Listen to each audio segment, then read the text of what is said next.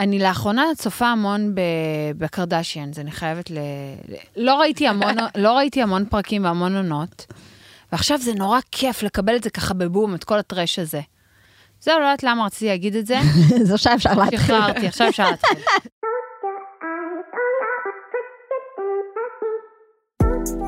ברוכים הבאים לפאנורמל, פודקאסט על חדשנות וקריאיטיב לחברות ומותגים שרוצים להישאר עם היד על הדופק. נארח את האייליסטרים, האנשים בתפקידים הכי מעניינים שידברו איתנו על מגמות והמהלכים שמזיזים את העולם, כל אחד בתחומו. מנחות הפודקאסט מורן רוזנבאום, אשת קריאיטיב ואסטרטגיית מותג, ונטלי זוהר, חוקרת מגמות וחדשנות, מרצות לחברות וארגונים בנושא חדשנות וקריאיטיב. עוד פרק לא נורמלי, מתחיל עכשיו.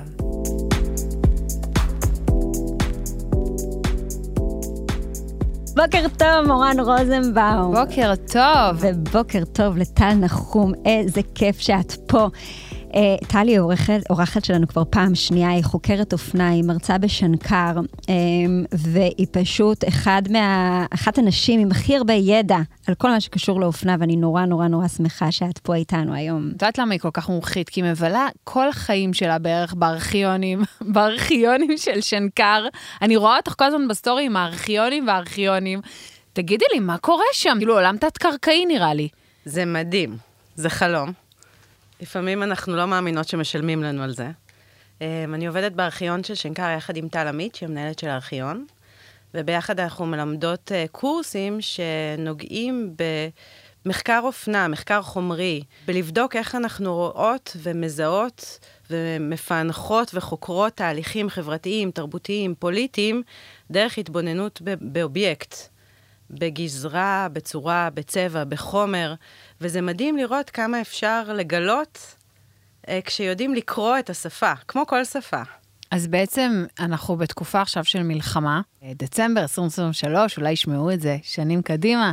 אז מה אנחנו יכולים בעצם ללמוד על אה, אופנת המלחמה הזו? אני חושבת שזה מעניין לראות כמה תהליכים כאלה אמ, משפיעים על הדרך שבה אנחנו תופסים את עצמנו. וזה חשוב להסתכל על אופנה באופן כללי, על עיצוב, אבל על אופנה בפרט, כאיזשהו ביטוי בצבע, בצורה ובחומר לרעיונות הרבה הרבה יותר גדולים. אני חושבת שבמלחמה הזאת, אה, הרבה מאוד אנשים נזכרו שהם יהודים, או שהם ישראלים, שהם חיים פה, הרבה דברים שנעלמו לנו מהעין במשך הרבה מאוד זמן. המגן דוד. בדיוק. מה, כל מעצבת תכשיטים עכשיו, יש לה איזושהי וריאציה למגן דוד, לחמסה, לחי. Um, אני מכירה אנשים בעיקר, אבל אנשים ונשים שלובשים מתחילת המלחמה כחול לבן, או בגדים עם פסים. משתדלים ללבוש יותר אופנה ישראלית. זאת אומרת, זה פתאום מקשר בין הזהות שלנו לחזות שלנו. זה איזשהו כלי, כלי ביטוי כזה שמחבר בין זהות לחזות. אנחנו יכולים להביע רעיונות דרך אופנה, בלי שאנחנו נפתח את הפה. אז זה יישאר ככה, את חושבת? תהיה תקופה כזאת עכשיו של... Uh... של מגן דוידים ושל אה, אה, כל מיני אלמנטים כאלה, אולי בעברית, על בגדים ומהתנ"ך, או לא יודעת לאן זה עוד יכול להתגלגל, אבל זה יישאר או שזה מין כזה משהו שיחלוף עוד איזה חודשיים, יימאס לנו מזה ואנחנו, את יודעת. אני חושבת שזה עוד מוקדם מדי להגיד. האמת היא שאנחנו תמיד מסתכלים על תהליכים כאלה באיזושהי פרספקטיבה של זמן. קשה לנו לקרוא אותם בזמן אמת, קשה לנו להבין מה המשמעות שלהם בזמן אמת. גם בקורונה, שזה היה רק לפני רגע, אנחנו לא בדיוק ידענו מה קורה שם בזמן אמת, איך זה משפיע עלינו, איך זה משפיע עלינו תרבותית. לבשנו טרנינגים. ידענו מה יקרה אחר כך? יש לי מלא טרנינגים בארון מהקורונה. ואת לובשת אותם עכשיו? לא, עכשיו כחול לבן, אני כולי מגן דוד מהלך. בואי באמת נלך אחורה. הרי עשיתי את הקורס שלך, קורס המדהים שלך ושל טל. את והיה, ואימא שלך. אני ואימא שלי עשינו, והיה באמת פרק שלם שדיבר על, אה, על המלחמות ועל אופנה שהתפתחה ממלחמות. ואני חושבת שבין אם אתה מותג ובין אם אתה מעצב ובין אם אתה בכלל לא שייך לעולם האופנה, יש משהו שמלמד אותנו הרבה מאוד מה מלחמות עושות לנו ל, ל, לאסתטיקה שלנו, לאופנה שלנו, לגזרות שאנחנו בוחרים. אז בואו נלך, תחזירי אותנו אחורה ו- ונראה באמת איך הדברים מתפתחים מתוך, uh, מתוך ההיסטוריה. אנחנו בכלל, באופן כללי, מסתכלים אה, במחקר חומרי על עיצוב כאיזשהו אינדיקטור לראות דרכו תהליכים אה, חברתיים ותרבותיים, מלחמות זה חלק בלתי נפרד מזה. אני חושבת שבגדים הם מפרטי העיצוב הכי הכי מעניינים, בגלל שזה מה שאנחנו בוחרים ללבוש על הגוף שלנו בבוקר. וזה הדרך שבה אנחנו בוחרים להביע את עצמנו day in, day out, כן? כמו שמורן היום לבשה חולצת פסים. אה, או שאני לבשתי חאקי, ל... אה, אבל, אבל זה דרך שאנחנו יכולים להביע בה את עצמנו בלי מילים, כן? וזה בדיוק הרעיון הזה שהקרדשיאנס מביעות עמדה או לא מביעות עמדה בזה שהן לובשות כחול לבן. זה דרך מאוד מאוד מתוחכמת שמקשרת בין איך שאנחנו נראים לעמדות שלנו, למחשבות שלנו, ולא צריך להגיד שום דבר, נכון? זה כל כך לא מודע גם. אני חושבת שזה דרך מאוד יפה להראות את התת-מודע. כי אני לא שמתי היום את זה בכוונה, אבל לא חשבתי על זה, וכנראה שמשהו בתת-מודע שלי כן, כן הביא את זה החוצה. כן, זה בעצם אוסף איזשהו הלך רוח של זמן, של חברה, של תקופה, של... זה טיימינג, כן. זה מראה טיימינג. ומה שתלבשי היום זה לא מה שלבשת לפני שלוש שנים בקורונה. נכון. אמ, אז בהקשר הזה, אני חושבת שבגד הוא אמ, אמצעי הבעה מאוד מאוד מעניין, ואנחנו יודעים לקרוא אותו הרבה מעבר לאובייקטי עיצוב אחרים או לעבודות אומנות, אנחנו יודעים לקרוא אותו ספציפית לזמן ותקופה. ואחד הדברים שאנחנו יכולים לראות במהלך ההיסטוריה, זה שמלחמות, בעיקר כל מיני תהליכים כאלה, גם משברים כלכליים, מגפות, אבל מלחמות, הן בעצם מהוות איזשהו זרז לתהליכים שמתחילים, מניצים, מתחילים לקרות, ואז המשברים הגדולים האלה אה, בעצם מאיצים את התהליכים האלה, ומייצרים איזשהו שינוי שהוא מאוד מאוד חד, שהוא מביע את הלך הרוח של אותה תקופה, בדיוק כמו שאנחנו רואים היום. של האחדות, של הציונות, שפתאום במרכאות שטפה אותנו. זה לא, זה לא ש... לפני כן היינו מפולגים, אף אחד כאן לא הלך עם מגן דוד, התלבשו עם דגל ישראל בשביל למחות משהו, לצורך העניין, כן. ופתאום אנחנו, יש הלך רוח, אנחנו מאוחדים, אנחנו uh, חזקים. נכון, והנה, אפשר לראות דוגמה לזה. Uh, למשל במהפכה הצרפתית, הרי לפני המהפכה הצרפתית, uh, מרי אנטואנט אכלה, אם לא היה לה לחם, היא אכלה עוגות, כן? literally היה צריך לשבור גרמי מדרגות ופתחים של דלתות בוורסאי כדי שנשים יוכלו לעבור עם השמלות שלהם בתוך הדלת. כי הבגדים היו כל כך גרנדיוזיים. כל הכסף היה אצלם, פשוטי העם, אכלו חרא, מותר להגיד בפודקאסט אכלו חרא? ברור. אוקיי. Okay. ובעצם מה שנולד שם זה איזושהי מלחמה ש, שבאה מתוך העם, והיא קראה לשחרור, שוויון ואחווה. והבגדים התאימו להלך הרוח הזה. ופתאום, מהמראות המאוד מאוד גרנדיוזיים האלה, הפאות שהיו בגובה של מטר, מפודרות וכזה, ותכשיטים והכול, הלוק הפך להיות הרבה הרבה יותר קרוב לגוף, מבדים פשוטים, בצבעים נקיים, בעצם כזה שמדבר על שוויון מעמדות בתוך החברה הצרפתית. ספוילר, זה לא יחזיק הרבה זמן. וזה מה שמאוד מאוד מעניין בעולם האופנה, כלומר, כשאנחנו מסתכלים עליו ככה, וגם בתרבות שלנו, שבעצם הכל בא גלים גלים, ומה שאנחנו חוות עכשיו הוא מאוד, מאוד מאוד דרמטי, והוא מאוד כואב. אבל זה בשום אופן לא דברים שהמין האנושי לא עשה או חווה בעבר. ויש משהו קצת מעודד בידיעה שאנחנו נצא מזה, שהדברים ישתנו, שהם לא יישארו ככה, שהם לא יישארו סטטיים. וכשאנחנו מסתכלות על המעברים החדים האלה, גם בתוך עולם העיצוב, בעולם האופנה, אנחנו יכולות לראות את הפערים בין הזמנים השונים, וכמה מהר מצליחים לעשות את השיפטים האלה. וואו, תקשיבי, זה מרתק. הדוגמה שנתת עכשיו על המהפכה הצרפתית זה מרתק. אני לא הייתי מודעת לזה בכלל. מדהים, וגם במלחמת העולם השנייה, אני, אני חושבת, אה, אני זוכרת מההרצאה שלך, שבאמת אה, ברגע שאנשים התגייסו והיו חלק מתוך uh, המערך, אז הם כבר לא יכלו להתלבש כמו שהם התלבשו, וכבר לא יכלו להשאיר את השיער הפזור. ופתאום הם התחילו להיות... אה, גולדה כן, סטייל. התחילו להתלבש אחרת, התחילו להיכנס אלמנטים אופנתיים אחרת. זה נכון, אבל נגיד במלחמות העולם, כשגברים יצאו לקרב, אז נשים היו צריכות לתפוס תפקידים אה, בתוך החברה, בתוך התעשייה, במפעלים, והם לא יכלו להתלבש יותר בשמלות הגרנדיוזיות שהיו לפני המלחמות, או בשמלות אלכסון של שנות ה-30, כבר זה לא היה לזה מקום. אז uh, היו צריכים לחפש רעיונות שהם יותר פרקטיים, שהם uh, יותר פונקציונליים ונוחים, והם התאימו לזמן הזה, וזה מאוד מעניין לראות איך נשים, בעיקר במלחמת העולם השנייה, הצליחו להתלבש ככה בלי לאבד מהנשיות שלהם. היה עדיין משהו מאוד מאוד חשוב בלהיות uh, מטופחת ומושקעת. Uh, בהרבה מאוד מדינות בזמן המלחמות, בטח במלחמת העולם השנייה, uh, הרבה מאוד מהחומרים הטקסטיליים הולאמו לטובת המלחמה. ובעצם נוצר מצב גם של צנע וגם של חוסר בחומרים, ונורא נורא יפה לראות שהמוח שלנו תמיד רוצה ללכת לאיפה שכן, לאיפה שיפה, לאיפה שאסתטי, והוא מוצא פתרונות סופר יצירתיים כדי לעקוף את כל ההגבלים האלה.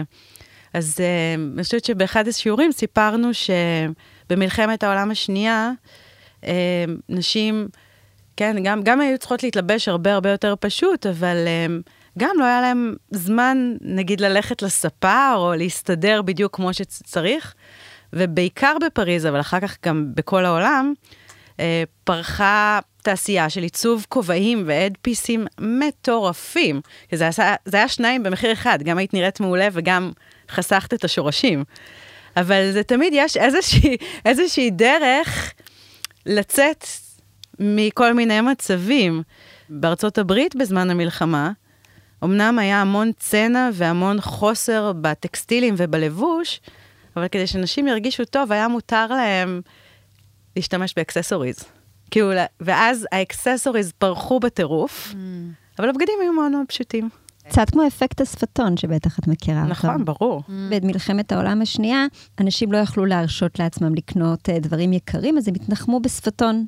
שפתון הוא כאילו נמצא באיזושהי קטגוריית מחירים אה, לא מאוד גבוהה, אתה יכול לשים אותה, יכול להרשות לעצמך אותם. ובאמת, יש איזו שמועה גם שאומרת שאסטה לאודר הייתה על שיא המכירות אה, של השפתון צמח באותה תקופה, לא יודעים אם זה שמועות או שזה באמת מה שהיה, אבל אני חושבת שגם היום כש... מותגים מתלבטים מה לעשות, לייצר, לא לייצר, אז מדברים על אפקט השפתון, שאחרי מלחמות אנשים באמת רוצים לקנות משהו אפורדבל, ושהוא יכול לתת לאנשים את תחושה טובה. אז גם אם אתה עכשיו מעצב בגדים אה, יוקרתיים, תעשה תמיד משהו שהוא אפורדבל, שמישהו יכול ללכת, לקנות אותו ולהרגיש שאתה מתחדש לתוכו. נטלי, תני לי לגלות לך משהו, וזה לא קשור למלחמה. כן. בעצם בתי האופנה הגדולים באמת, הם לא עושים כסף מלמכור בגדים. תחשבי איזה כמה בחורות יכולות ללכת לאטליה של שנל ולקנות חליפת שנל קוטור. מעט מאוד, בודדות. אבל כולן יכולות לקנות את השפתון, כולן יכולות לקנות בושם, שנל number five, ולהרגיש שיש להם שנל. איזה יש כיף סרט? שנל בתיק. באמת, באמת, אני קונה... ודרך אגב, יש לי שפתון של שנל, תקשיבי, זה, זה מחזיק מלחמות. ובואנה, זה, יש לי אותו 15 שנה, אני לא מגזימה. אני, אצלי החזיק לא חצי נגמר. שנה, כן. שלושה חודשים, עד שהבת שלי פתחה אותו. נגיד יש סרט דוקומנטרי מצוין על נשים שעדיין לובשות קוטור. משהו שכבר כמעט נעלם מהעולם. איך קוראים לסרט, תגידי? העולם הסודי של haute couture, זה סרט של ה-BBC מ-2009 לדעתי, וזה מדבר על אנשים שעדיין נמצאים במקום הזה של ה luxury, ה luxury. ו- ובעצם רואים שם ומדברים על זה שבתי האופנה היום לא עושים מזה את הכסף שהם מעט מאוד, אולי רק בשנל, עדיין הקו קוטור מצליח לעשות כסף שהוא, שהוא make sense. שאר בתי האופנה מוציאים קולקציות קוטור כדי למכור בושם, כדי לקנות שפתון, כדי לקנות משקפי שמש. זה מה שהוא אפורדבול, וזה קורה לא רק במלחמה. אבל באמת רואים, אה, את חושבת שנגיד עכשיו בתקופה של מלחמה, ביחס למלחמות אחרות, נשים באמת מנסות לנחם את עצמם יותר באביזרי אופנה ובבגדים, או שנכנסים לאיזה מוד של חיסכון? אז, ו... אז צריך לדבר על זה, אבל אני, אני עוד לא יודעת, כי אני חושבת שהשבועות הראשונים, אף אחד לא יכל לחשוב על שום דבר בהקשר הזה. בעולם האופנה, וזה כן משהו שהוא מאוד מאוד יפה, אני רואה המון המון טישרטים מעוצבים מאוד יפה, על ידי הרבה מאוד אומנים, שזה ממש אה, להיות בילבורד, כן? להיות לוח מודעות מהלך שמביע עמדה דרך בגד. וזה משהו שאנשים כן קונים, כי זה הרבה פעמים גם בא עם איזושהי אג'נדה חברתית. ותרומה. איזה, ותרומה ואיזשהו סיפור. אמ, אבל לקנות אופנה, זה עדיין מרגיש כמעט לא מוסרי היום, תתקנו אותי אם אני טועה. אני חושבת שאמרת בהתחלה משהו מעניין על זה שאנחנו עכשיו אה, נקנה יותר סממנים אה, יהודיים, ציוניים, כזה, ונתמוך בעסקים ישראלים. אז אני חושבת שזה הזמן של האופנה הישראלית לפרוח. את יודעת, מורן, שזה מהמם שאמרת את זה עכשיו, כי בעצם... תור הזהב של האופנה הישראלית, ויש לנו על זה היום שיעור בשנקר, בגלל זה אני לובשת חאקי, אמ, היה בין, שתי, בין מלחמת ששת הימים למלחמת יום כיפור, בגדול בגדול.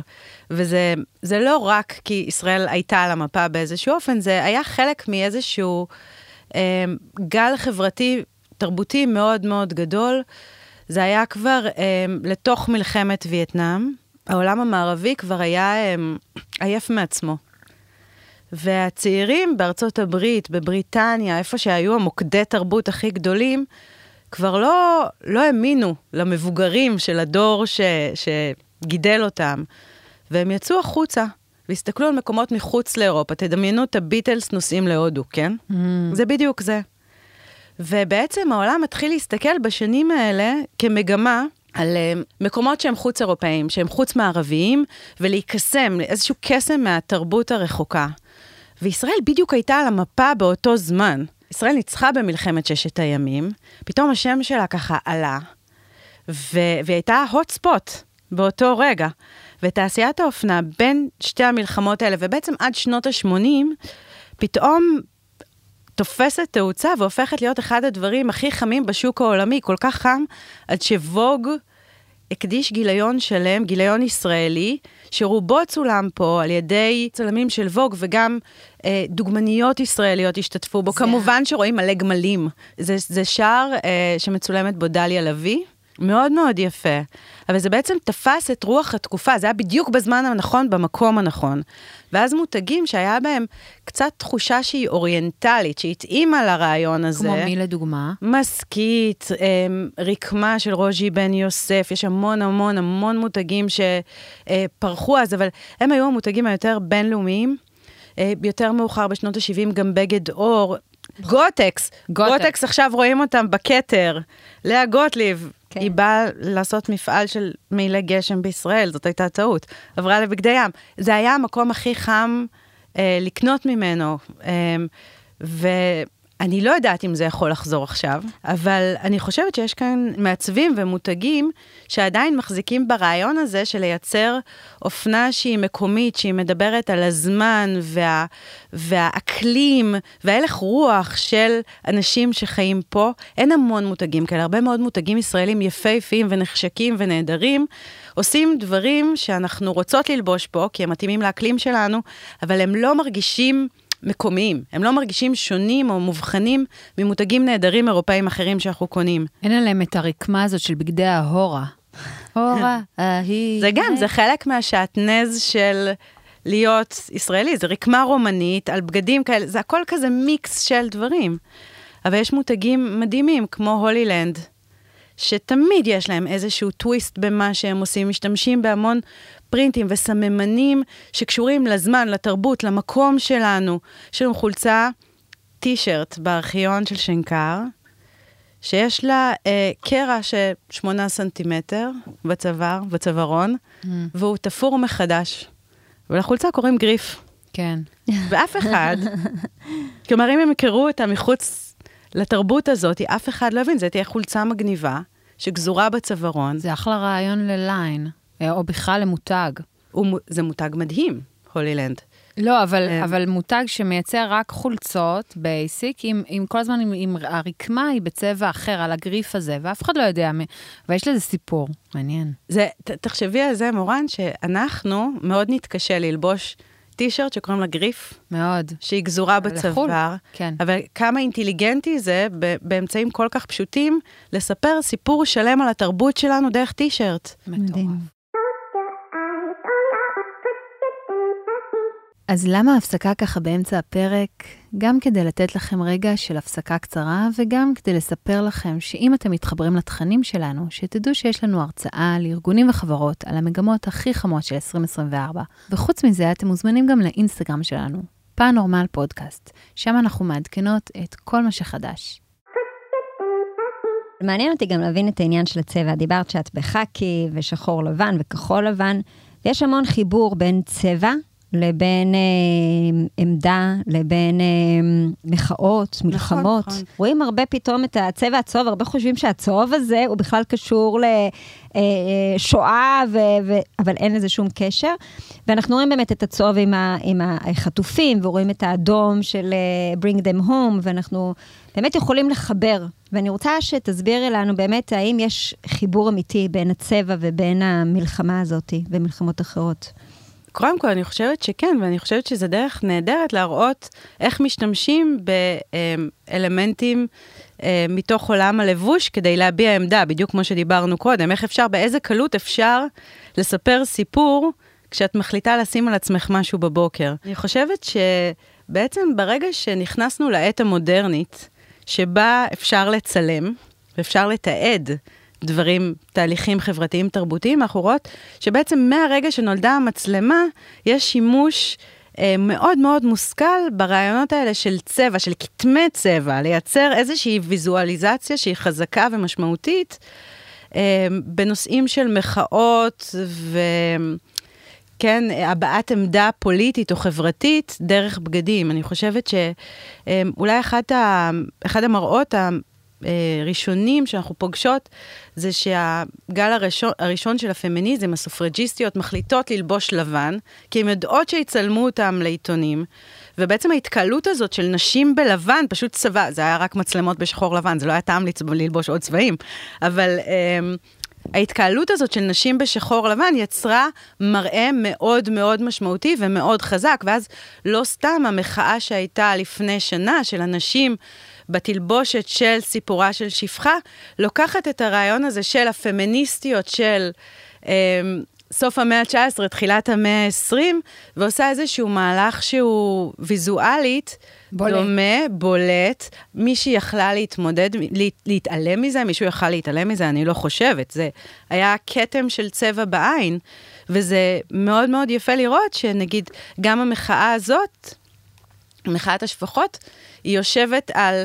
יש, יש כאן כמה נדבכים, כלומר, ברגע שמבינים את הקונטקסט, מבינים שזה הרבה יותר עמוק מזה, כי הרי זה מבוסס על המראות של סיפורה של שפחה, שהם מבוססים על הנראות של נשים, בעיקר הכובעים, כן? של נשים בשנות ה-30 של המאה ה-19, כשבעצם זה מה שדרשו מהם, שהחזירו אותם חזרה לספירה הביתית, וביקשו מהם להיות בובות. זה בעצם סיפור על סיפור על סיפור שיושב ביחד. ובבחירה הזאת יש משהו מאוד אינטליגנטי ומאוד מושכל, אבל הוא גם עושה את העבודה הוויזואלית. ואני חושבת שאחד ה, אחד הסיפורים הכי יפים שיש זה המחאה שהייתה בארצות הברית, אחרי האמירה המטופשת של טראמפ, שאם יש לך כסף, you can grab them by, the pussy, ובעצם נשים החליטו שהן עושות איזשהו מהלך של הפוך על הפוך עם זה, והם הקימו מחאה של ה... The Pussy Hat Project, שבה הם הזמינו נשים לסרוג כובעים עם אוזניים כזה של חתול, אה, בצבע ורוד. ואמרו להם, אבל אם אתם תלבשו ורוד, אז לא ייקחו אתכם ברצינות, כי זה כאילו מין צבע שהוא נשי, מטופש, קל דעת.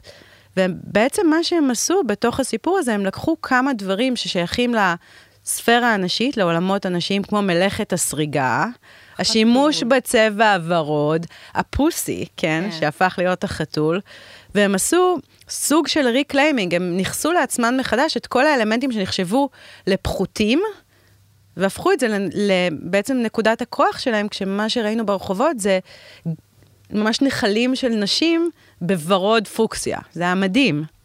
אז זה היה משחק תודעה מדהים. איך אנחנו יכולים באמת ליצור תודעה באמצעות אזרחים, אם זה באופנה שאנחנו לובשים, אם אנחנו מצלמים את עצמנו ומעלים לרשת ויש לנו סממנים של מגן דוד ואנחנו מרגישים איתם מאוד מאוד בנוח.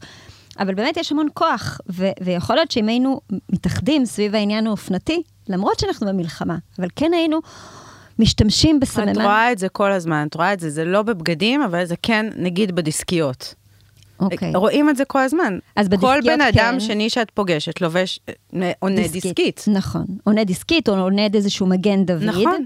ו- ואת חושבת שבאופנה זה לא, לא, לא היה נכון עכשיו שיהיה דבר כזה? זאת אומרת שפתאום כולם ילבשו יותר חאקי, שיהיה פתאום יותר כחול לבן. ש- אנשים עדיין, בתוך חודשיים לתוך מלחמה, הרבה מהם הפסידו המון כסף, הם נמצאים במילואים ונמצאים עם ילדים, ואין להם את הפניות. חוץ מנגיד בלהדפיס טישרטים, לוקח לנו זמן לתת מענה בתוך עולם האופנה לכל מיני טרנדים כאלה, וגם לוקח זמן עד שהם מקבלים צורה.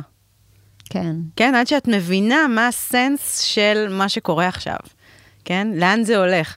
התחושה היא שזה הולך למקום של שייכות. כולנו עם אחד, כן? זה, זה, זה גם הסיסמאות שאת שומעת. נכון. פתאום אנחנו מתחילים לראות את הכאפייה כפריט אופנתי בכל מיני מקומות. זה ו... לא פריט אופנתי, זה פריט מסורתי. יש משהו קצת גובל בבורות.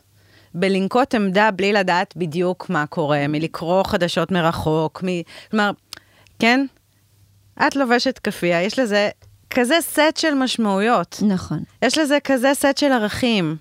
נכון, אבל את ראית גם היה אה, ווג אה, פריז, הוציא, את ראית את התמונה. של, ג'יג'י, של אה, ג'יג'י חדיד, יושבת על ספה, ופה אין מקריות, היא יושבת על ספה ירוק חמאס ומצלמים אותו לווג פריז, וג'יג'י עם כל ההתבטאויות כן. שלה, אז כבר אי אפשר להגיד שזה התבטאויות, אפשר להגיד כבר שזה נקיטת עמדה באמצעות כל מיני אלמנטים צבעוניים. זאת אומרת, אי אפשר להגיד אנחנו במלחמה, אנחנו רוצים להיות מבחוץ, אנחנו רואים שהעולם חי כבר את כל האלמנטים האלה. דיברנו קודם על התקופה הזאת של בישראל דווקא, כי זה, אני כן חושבת שיכול להיות מעניין להסתכל על מה קרה פה בין אחרי מלחמת ששת הימים, ו- ולראות, אני לא חושבת שזה יכול לקרות שוב, אבל זה מאוד מעניין לראות מה קרה פה מבחינה אופנתית, ואיך מעצבי אופנה שחיו פה ופעלו פה הצליחו להביע ולנקוט עמדה ולספר סיפור דרך הבגדים, ואני חושבת שאחד הפריטים שהוא מאוד מאוד מעניין, שיש לנו גם כן בארכיון של שנקר, זה סט uh, מקולקציית הטלית של רוז'י בן יוסף, המותג שלה קראו רקמה, הזכרתי אותו קודם. Um, ועל פניו זה נראה כמו crop top ואיזה חצאית מהממת כזאת, זה נראה כמו משהו שהיה אפשר ללבוש היום. אבל אז, כשאת נכנסת לתוך הסיפור, um, את בעצם מגלה שהיא יצרה את הקולקציה הזאת, את קולקציית הטלית, uh, בהשראה של הגופות של החיילים של מלחמת ההתשה, בעצם שראו גופות עטופות בטלית. וואו. ופתאום זה הופך מראה שהוא כל כך um, אסתטי בעין, למשהו שכואב לנו לראות, וזה רק ברגע שאנחנו מבינים את הקונטקסט, ואת הסיפור, ואת החומר, שזה הטלית. כלומר, מישהו שהוא זר, לא יכול לקרוא את כל האלמנטים האלה. מדהים. ש, שמי שחי פה יכול לקרוא אותם, לספר סיפור. מדהים. מעניין אם יצאו דברים גם עכשיו אה, מתוך המלחמה הזאת סביב, ה... סביב הרעיונות העיצוביים. אני חושבת שמעצב צריך להיות גם מאוד מאוד רגיש וגם מאוד מאוד אינטליגנטי, כדי להביע ולנקוט עמדה באופן כזה, שזה גם לא יהיה קרקס, שזה גם יהיה משהו שהוא אסתטי, שהוא לביש, וגם שהוא יודע לספר בניואנסים שלו כל מיני סיפורים. ויש פה, לא היסטוריה ארוכה של אסתטיקה במדינת ישראל, כן? אבל יש פה, יש פה בשר, יש עם מה לעבוד, יש כאן, זה, זה מקום כל כך טעון, כמו שאמרת קודם, בצבע, ב, בסמלים, במשמעויות, ואם יודעים להשתמש בהם ולשחק איתם נכון, כמו למשל מה שתיארתי, הסיפור הזה של רוז'י בן יוסף, כמו um, הולילנד, שעושים את זה מדהים כמעט בכל קולקציה שלהם. אם אתה יודע להשתמש ברעיונות האלה בצורה שהיא uh, יצירתית, וזה יוצא גם אטרקטיבי וסקסי בעין, בגדים שאת רוצה, שהם נחשקים, שאת רוצה לקנות, אבל הם יודעים לספר סיפור למי שמבין, מי שיודע לקרוא את הסיפור, זה סוג של עיצוב שהוא מאוד מאוד אינטליגנטי, והוא חוצה את ה... זה יפה, זה לא יפה, זה אופנתי, זה לא אופנתי, זה הופך להיות משהו על-זמני. מדהים. ששייך למקום גם. זה נותן גם תקווה קצת אה, למעצבים מקומיים ישראלים, שאולי קצת הלכו לאיבוד בשנים האחרונות עם כל ה fast fashion, שאולי זה דווקא תהיה התקומה שלהם חזרה. זאת אומרת שאנשים באמת ירצו ללבוש בגדים עם משמעות, עם סיפור, עם עומק. אני חושבת שזה מאוד מאוד מעניין, כי בעצם מה מייחד היום מעצב אופנה? מה יכול להיות הדבר שהוא מביא לשולחן שלא קיים באלף ואחד מותגים אחרים? אני חושבת שהמקום הזה שבו אה, מעצב או יוצר, בכל אופן, בכל תחום, מצליח למצוא קול שהוא מזוקק ומקורי, והוא מדבר את עצמו, את החיים שלו, ולא מנסה להיות משהו אחר, לא מנסה להיות גלובל, לא מנסה להיות... אה, אה, להתאים את עצמו לטעם של המון אנשים, אז, אז בעצם אפשר לראות סיפור שהוא קצת אחר, גם אם הוא נישתי, הוא הופך להיות קצת יותר מעניין. לא יודעת אם את מכירה, אבל יש מעצבת אה, מהממת שקוראים לה טלי קושניר. היא הייתה בעלים של חנות וינטג' המון שנים, ואז היא פתחה מותג שהוא בעצם מדבר על ישראליות בצורה מאוד מאוד עדינה, באופן שקצת דיברו אותו פעם, נגיד באטה, היא משתמשת בכותנות במשקלים מסוימים, בצבעים מסוימים של כותנות, וזה הבגדים שהיא עובדת איתם. זה בגדים שהם שייכים לאקלים שלנו, זה בגדים ששייכים לנינוחות הקזואלית של להיות ישראלי. הם, היא גוזרת אותם הרבה פעמים מתוך גזרות שהם של בגדי וינטג', שזה חלק מהסיפור שלה. בעצם יש לה איזה קול מאוד ייחודי בתוך, ה, בתוך עולם האופנה הישראלי, שמספר סיפור של החיים כאן ועכשיו, בלי לוותר על, הסטייל, כן. מדהים. ויש פנינים כאלה בתוך עולם, ה, בתוך עולם האופנה הישראלי שלנו, לא צריך, לא, לא צריך להספיד אותו עדיין. את יודעת, זה נורא מצחיק, יש לי, הילדה שלי, בת תשע, דניאל, היא משחקת Roblox, וכשהיא נכנסה ל Roblox, היא היה הפגנה פרו-פלסטינאית. והיא נכנסה להפגנה וכולם היו שם עם... היי, שראיתי שהעלית על זה פוסט או נכון. סטורי או כזה. אז היא, אז היא עלתה והיה באמת הפגנה של דגלי חמאס, והיא ניסתה להגיב שם ולא ממש הצליחה. ומה זה החליטה, ילדה בת תשע, החליטה שהיא הדמות שלה, שהיא הולכת לשחק איתה, תלבש כחול לבן, זאת אומרת, היא לובשת בגדים כחול לבן ומגן דוד. וילדה בת תשע יש לה כבר uh, מודעות, כבר בתודעה שלה. מדהים. זה שאני מייצגת את המדינה שלי, ואני לובשת, כי זה הדמות שלי, זה מה שאני יכולה לייצג בתוך Roblox, והדמות שלי תהיה כחול לבן. ואני חושבת שהתפיסה הזאת תגדל איתה בתור נערה ובתור אישה, שהיא רוצה להיות זהות ישראלית, ללבוש משהו שמייצג את הזהות שלה, ולא רק בשרשרת, אולי גם במשהו בלבוש, ואולי איפשהו זה יחזיר אותנו קצת ל... לאופנה שהיא, שהיא אופנה שמייצגת את הפולקלור הישראלי, נקרא לזה ככה. בגיל תשע היא מבינה את הכוח של איך היא מציגה את עצמה לעולם, ואיזה סיפור היא מספרת, במה היא בוחרת לעטות על עצמה בבוקר או ברובלוקס. אה, כלומר, ש, ש, שבזה שהיא בוחרת את זה, שיש פה בחירה. נכון. אני חושבת שיש פה משהו שמאוד מכניס לאופטימיות. אה, אותי לפחות. נטלי, את אופטימית חסרת תקנה. אני אופטימית חסרת תקנה, אבל יש משהו שבאמת לא, מכניס, שבאמת מכניס אותי לאופטימיות, שמעל מאוד מפולג, אנחנו הופכים להיות עם יותר מהודק, אנחנו לא ניכנס לפוליטיקה, אבל יותר מהודק, ואופנה יכול להיות כלי בשבילנו להתח... להתחבר עוד יותר, ולהתחזק עוד יותר, ולהרגיש יותר uh, גאים בעצמנו. אני יכולה להגיד לך שאחד הדברים האופטימיים שלי יצאו מהמלחמה הזאת, זה שאם תמיד אמרתי, כשיהיה פה רע, אני אוציא דרכונים זרים ואני אעוף מפה, אין לי שום כוונה כזאת. כן. זאת אומרת, אני מבינה שאין לי בית אחר, ופה אני אשאר. ופה אני אשאר, ואת האופנה הישראלית אני אלבש, והילדים שלי ירגישו גאווה להיות ישראלים.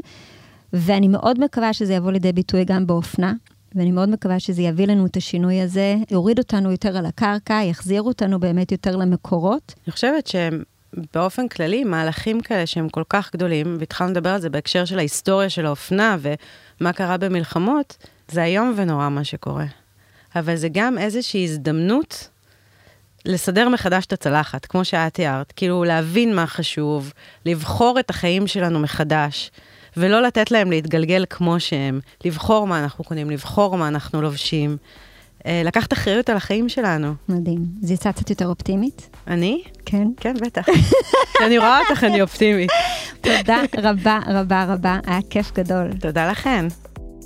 תודה רבה על ההאזנה לפאנורמל. כדי לא לפספס פרקים חדשים, תנו לנו פולו באפליקציית הפודקאסטים, וכמובן, דברו איתנו בעמוד האינסטגרם, פאנורמל פודקאסט. יש לנו גם הרצאה על חדשנות וקריאיטיב לחברות וארגונים שרוצים להישאר עם היד על הדופק. הפרק הוקלט בגוגל for Startups קמפוס, הבית של גוגל לסטארט-אפים. הקמפוס נותן לסטארט-אפים הזדמנות לקבל גישה למוצרי גוגל, חיבורים לתעשייה וידע נוסף לתוכניות ואירועים לסטארט-אפים. ה-Creator Studio הוא אולפן וידאו ואודיו מקצועי שזמין לסטארט-אפים בחינם.